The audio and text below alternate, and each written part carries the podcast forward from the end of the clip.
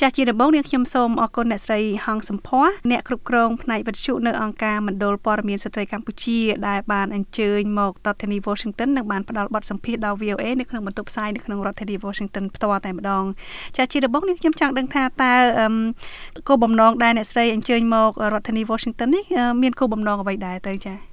ចាអរគុណអូនពេជ្រចិន្តាគោលបំណងដែលខាងបងមករដ្ឋធានី Washington នេះដោយសារខាងស្ថានទូតសហរដ្ឋអាមេរិកប្រចាំកម្ពុជាបាន nominate បានថាណែនាំឈ្មោះបងមកខាង DC Washington DC ហ្នឹងគឺមានខាងភ្នាក់ងារជ្រើសរើសហ្នឹងគឺ World Learning គាត់អ្នកជ្រើសរើសបេក្ខជនពីប្រទេសផ្សេងផ្សេងទៀតមកចូលរួមកម្មវិធីហ្នឹង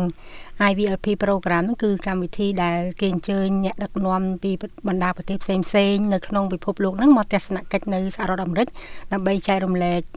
បទពិសោធន៍អ្នកកសែតនៅសហរដ្ឋអាមេរិកហ្នឹងទួលនីតិរបស់អ្នកកសែតក្នុងការរួមចំណែកលើកស្ទួយប្រជាធិបតេយ្យនីតិរដ្ឋនិង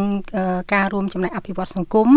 ហើយអ្នកចូលរួមទាំងអស់ក៏អាចចែករំលែកបទពិសោធន៍ប្រទេសខ្លួនឯងអ្នកកសែតដែលចូលរួមហ្នឹងអាចចែករំលែកបទពិសោធន៍ប្រទេសនីមួយៗតាមអ្វីដែលខ្លួនជួបប្រទេសចានេះខ្ញុំដឹងថាកម្មវិធី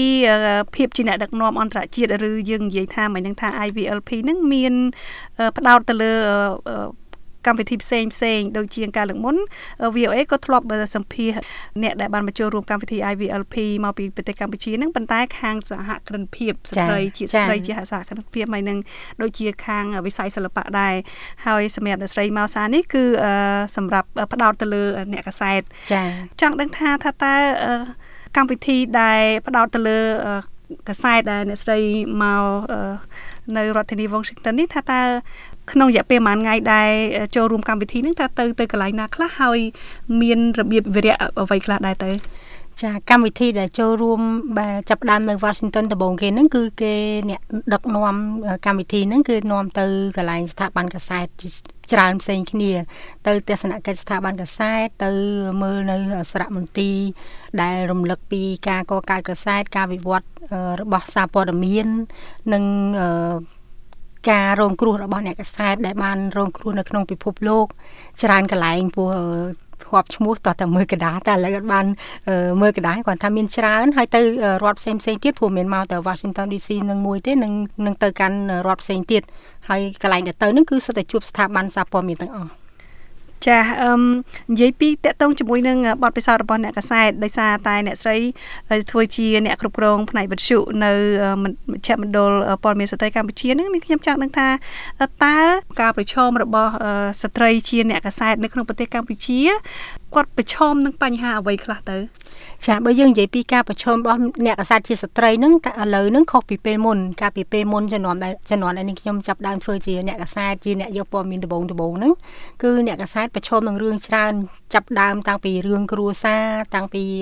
កន្លែងដែលយើងទៅធ្វើការប្រឈមជាមួយនឹងអ្នកកសែតដែលជាបរិះហ្នឹងមិនប្រឈមអីគឺ ចាប់ដើមពីគ្រួសារគឺគ្រួសារអត់ចង់ឲ្យកូនស្រីធ្វើជាអ្នកកសែតទេធម្មតាធ្វើអ្នកកសែតត្រូវដើរច្រើនអត់នៅអង្គុយកន្លែងទេត្រូវទៅចេញក្រៅការិយាល័យត្រូវទៅចុះខេត្តត្រូវទៅគេងនៅខេត្តអញ្ចឹងពេលគេងយើងមិនអាចកំណត់ថាត្រូវតែមានគ្នាប្រហែលអ្នកទៅទៅគេងខេត្តបានយប់ទេកន្លែងដែលមានរឿងដែលយើងចង់ទៅធ្វើយើងត្រូវតែទៅធ្វើអញ្ចឹងអ្នកផ្ទះមិនអាចឲ្យកូនស្រីដែលនៅក្មេងនៅលីវនឹងទៅទៅដេកទៅខេត្តនៅគេងនៅក្នុងធ្វើការអញ្ចឹងហើយបើសិនជាកន្លែងការងារអឺ មកនៅមិនមែនទៅខេត្តវិញគឺអ្នកកសែតស្រីក៏ប្រឈមនឹងការទៅយកព័ត៌មានហ្នឹងគឺប្រជែងមួយអ្នកកសែតដែលជាបរិបពេលមានព្រឹត្តិការណ៍ធំធំអញ្ចឹងវាពិបាកបន្តិចដែរហើយបើយើងទៅជួបសម្ភាសមួយមនុស្សមួយចំនួនដែលជាថ្នាក់ដឹកនាំឬក៏បរិះមួយចំនួនហ្នឹងជានារីពេលខ្លះត្រូវរងទទួលការលេបខាយការអីពីបរិះប៉ុន្តែការប្រឈមទាំងអស់ហ្នឹងឥឡូវមានផ្លាស់ប្ដូរតាមនេះខ្ញុំសង្កេតឃើញគឺពីមុនគឺអញ្ចឹងតែឥឡូវប្រជាពលរដ្ឋ គ្រួសារហ្នឹងមិនប្រកាន់ថាកូនស្រីចង់ធ្វើជាអ្នកកសែតអត់ឲ្យធ្វើគឺគ្រួសារខ្លះលើកទឹកចិត្តគ្រួសារខ្លះនៅមានតិចតួចតែអ្នកកសែតកូនស្រីចង់ធ្វើជាអ្នកកសែតហ្នឹងគាត់មិនសូវគ្រប់គ្រងតែភាគច្រើនគឺគ្រប់គ្រង ហើយការប្រឈមនៅក្នុងសង្គមហ្នឹងក៏មានការថយចុះដែរគឺស្ត្រីជាអ្នកកសែតហាក់មិនប្រឈមច្រើនទេគ្រាន់តែអ្វីដែលពិបាកហ្នឹងគឺបំពេញតួនាទីជាអ្នកកសែតហើយស្ត្រីទាំងអស់ហ្នឹងគាត់ត្រូវ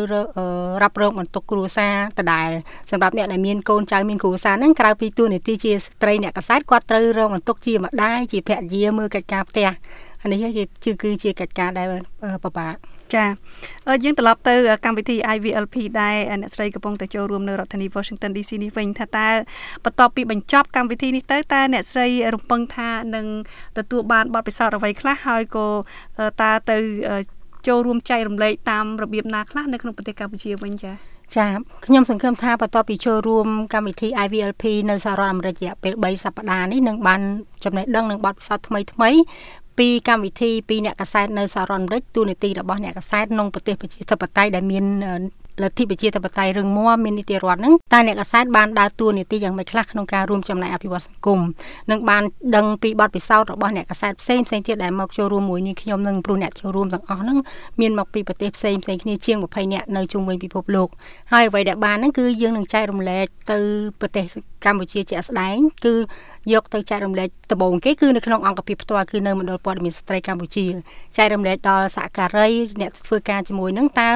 យើងមករយៈពេល3សប្តាហ៍ហ្នឹងយើងបានបានអីខ្លះបានចំណេះអីបានបទពិសោធន៍អីទៅចែករំលែកហើយមួយទៀតយើងអាចអនុវត្តនេះខ្ញុំនឹងយកទៅអនុវត្តជាក់ស្ដែងក្នុងការបំពេញតួនាទីជាក់ស្ដែងក្នុងនាមជាអ្នកកាសែតតែយើងកែលម្អតួនាទីយើងជាអ្នកកាសែតហ្នឹងកម្រិតណាដើម្បីរួមចំណែកឲ្យប្រទេសកម្ពុជាហ្នឹង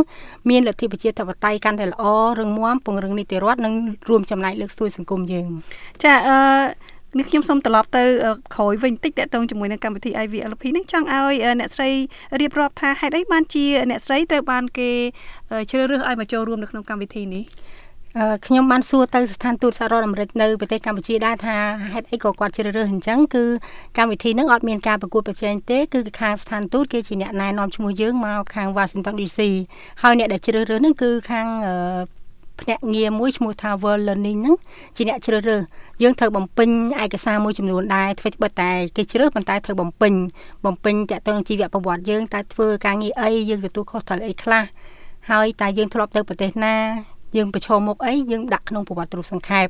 ហើយគោលបំណងនៃគេជ្រើសរើសហ្នឹងមិនមិនមែនគេជ្រើសរើសអ្នកកសែតទូទៅទេអ្នកដែលកសែត អ្នកកសែតដែលគេជ្រើសរើសមកនោះភាគច្រើនមានតួនាទីក្នុងការសម្រេចចិត្តពួកគេចង់លើកកម្ពស់អ្នកដឹកនាំវ័យក្មេងក្នុងការរួមចំណែកអភិវឌ្ឍប្រទេសក្នុងតួនាទីយើងជាអ្នកកសែតអញ្ចឹងគឺខ្ញុំបានបំពេញឯកសារហ្នឹងទៅផ្ញើទៅស្ថានទូតស្ថានទូតគេផ្ញើឯកសាររបស់យើងហ្នឹងមកសហរដ្ឋអាមេរិកហើយយើងរងចាំលទ្ធផលចាំលទ្ធផលគេមើលព័ត៌មានដែលយើងបំពេញទៅហើយបានគេប្រាប់ថាយើងត្រូវបានជ្រើសរើសហើយអញ្ចឹងបន្តបន្ទាប់ទៀតយើងបំពេញឯកសារឲ្យតាមតម្រូវការជាក់ស្ដែងអញ្ចឹងចាក្នុងនាមជាអ្នកស្រីជាស្ត្រីហើយធ្វើការនៅក្នុងបណ្ដាញផ្សព្វផ្សាយនៅក្នុងប្រទេសកម្ពុជាតើអ្នកស្រី មានជាការណែនាំអ្វីខ្លះទៅស្ត្រីផ្សេងទៀតក៏ដូចជាជាពិសេសគឺស្ត្រីដែលមានបំណងចង់ធ្វើការនៅក្នុងវិស័យជាអ្នកសារព័ត៌មានចាសម្រាប់បងយុវតីក្មេងៗដែលចង់ខ្លាចជាអ្នកសារព័ត៌មានជាដំបូងត្រូវសួរខ្លួនឯងសិនតើប្អូនស្រឡាញ់ចង់ខ្លាចជាអ្នកកសែតអត់ព្រោះបើយើងអត់ស្រឡាញ់ទេកុំធ្វើធ្វើកិច្ចការណាដែលយើងចង់ស្រឡាញ់ធ្វើជាអ្នកកសែតមានន័យថាយើងចង់ដឹងគ្រប់រឿងចង់ផ្សាយអ្វីដែលពិតដែលកើតឡើងនឹងឲ្យប្រជាពលរដ្ឋក្នុងសង្គមយើងបានដឹងបើយើងស្រឡាញ់យើងត្រូវតែធ្វើ ហើយចាប់ដើមចេញពីមូលដ្ឋានគ្រឹះត្រូវរៀនមុខវិជ្ជាសារព័ត៌មាននឹងព្រោះនៅប្រទេសកម្ពុជាយើងមានមហាវិទ្យាល័យសារព័ត៌មាននឹងហើយអញ្ចឹងយើងទៅរៀនទៅហើយចាប់ដើមចុះទៅធ្វើកម្មសិក្សាឬក៏សុំស្ម័គ្រចិត្តឬក៏ធ្វើការតែម្ដងនៅអង្គភាពសារព័ត៌មានណាដែលយើងគិតថាជាអង្គភាពសារព័ត៌មានឯករាជ្យផ្ដល់នៅព័ត៌មានពិតហើយប្រជាពលរដ្ឋជាទុកចិត្តហើយកុំខ្លាច ហើយឆ្លងកាត់បទពិសោធន៍នឹងនឹងធ្វើឲ្យយើងចេះរឹងមាំដំបូងអ្នកណាក៏មិនសូវរឹងមាំដែរប៉ុន្តែការងារនឹងបង្រៀនយើងហើយអាចស្វែងរកបទពិសោធន៍ផ្សេងផ្សេងទាំងក្នុងប្រទេសនិងក្រៅប្រទេសព្រោះឥឡូវមានអាហារូបករណ៍ឬក៏មានវគ្គសិក្សាឬក៏វគ្គបណ្ដុះបណ្ដាលឬក៏កិច្ចប្រជុំច្រើនណាស់សម្រាប់ដល់អ្នកកសែតហើយបើយើងជាស្ត្រីយើងងាយនឹងមានមានឱកាសច្រើនព្រោះវគ្គខ្លះគេលើកទឹកចិត្តសម្រាប់ស្ត្រីហើយបើយើងជាស្ត្រីវ័យក្មេងទៀតរឹតតែត្រូវបានលើកទឹកចិត្ត ក្មេងៗគឺជាតំពាំងស្នូលឫស្សីអញ្ចឹងបើប្រៀបធៀបរវាងមនុស្សចាស់និងក្មេងចេះប្រហែលគ្នាគេនឹងឲ្យឱកាសទៅក្មេងហើយចាចានេះខ្ញុំមានសំណុំពរគឺសំណុំពរឲ្យ បងប្អូនប្រជាពលរដ្ឋយើងជាពិសេសយុវជនហ្នឹងគាត់រួមចំណែកក្នុងការអភិវឌ្ឍសង្គមតាមរយៈធ្វើជាអ្នកកសែតឬក៏ជាអ្នកដែលតាមដានព័ត៌មានបើយើងធ្វើជាប្រជាពលរដ្ឋសាមញ្ញមិនមែនជាអ្នកកសែតហ្នឹងសូមតាមដានព័ត៌មាននៅក្នុងសង្គមយើងហ៊ានរាយការណ៍ព័ត៌មានពិតហើយបើព័ត៌មានណាមិនពិតតាមរយៈប្រព័ន្ធផ្សព្វផ្សាយជាពិសេសបណ្ដាញសង្គមរាល់ថ្ងៃហ្នឹងគឺយើងកុំខ្វល់កុំយកចិត្តទុកដាក់កុំចែករំលែកបន្តព្រោះហ្នឹងគឺជាបើយើងឃើញព័ត៌មានហ្នឹងមិនមិនត្រូវមិនពិតទេយើងរួមចំណែក share ចែករំលែកបន្តហ្នឹងមានន័យថាខ្លួនយើងនឹងរួមចំណែកចែកចាយព័ត៌មានមិនពិតពិតនឹងបំពុលសង្គមអញ្ចឹងបើព័ត៌មានពិតយើងបំភ្លេចចោលហើយយើងទៅមើលព័ត៌មានណាដែលជាឲ្យទុកចិត្តហើយចំពោះអ្នកថ្នាក់ដឹកនាំវិញខ្ញុំមានសំណពរថាដោយសារបទពិសោធន៍យើងឃើញតាមរយៈបណ្ដាញសង្គមយើងស្ដាប់ឬក៏នេះខ្ញុំបានមកឃើញផ្ទាល់ហ្នឹងនៅប្រទេសគេអភិវឌ្ឍគឺគេផ្ដល់តម្លៃដល់អ្នកកសែតអ្នកកសែតមានសេរីភាពក្នុងក្នុងការរាយការណ៍នៅព័ត៌មានពិតដល់ប្រជាពលរដ្ឋសម្រាប់ប្រទេសយើងសេរីភាពនឹងវានៅមានកម្រិតយ៉ាងមិនទាន់បានទូលំទូលាយអញ្ចឹង គួរតែផ្ដល់ឱកាសឲ្យអ្នកកសែតហ្នឹងគាត់បានបំពេញតួនាទីគាត់ប្រកបដោយវិជ្ជាជីវៈហ្នឹងបានពេញបរិបូរដើម្បីយើងអាចឈានទៅសតវត្សតាន់ដើរតាន់ប្រទេសគេមិនតាន់ប្រទេសមហាអំណាចក៏យើងអាចដើរតាន់ប្រទេសនៅក្នុងតំបន់យើងដែរចាហើយមួយទៀតក៏សនំពោដល់បើសិនជាខាងស្ថានទូត សហរដ្ឋអាមេរិកឬក៏ខាងម្ចាស់ជំនួយផ្សេងផ្សេងមានវគ្គកម្មវិធីផ្សេងផ្សេងគួរតែផ្ដល់ឱកាសដល់អ្នកកាសែតជាពិសេសអ្នកកាសែតស្រីនឹងឲ្យចេញមកទស្សនកិច្ចសិក្សានៅក្រៅប្រទេសបានច្រើននៅពេលដែលយើងចេញមកមើលប្រទេសដែលគេជឿនលឿនបានយើងឃើញថាតើពិភពលោកឈានដល់ណាព្រោះបើយើងនៅក្នុងប្រទេសយើងនឹងយើងគិតថាយើងដើរឆ្នាំ2019ហើយប៉ុន្តែតាមពិតយើងរាប់តែឆ្នាំឯជាក់ស្ដែងយើងផែមានឆ្នាំ2019នេះចាអរគុណច្រើនចាសូមអរគុណច្រើនដល់អ្នកស្រីហងសុផាដែលបានផ្ដល់ បទសម្ភាសន៍ដល់ VOA ចាសូមជម្រាបលា ចាសូមជម្រាបលា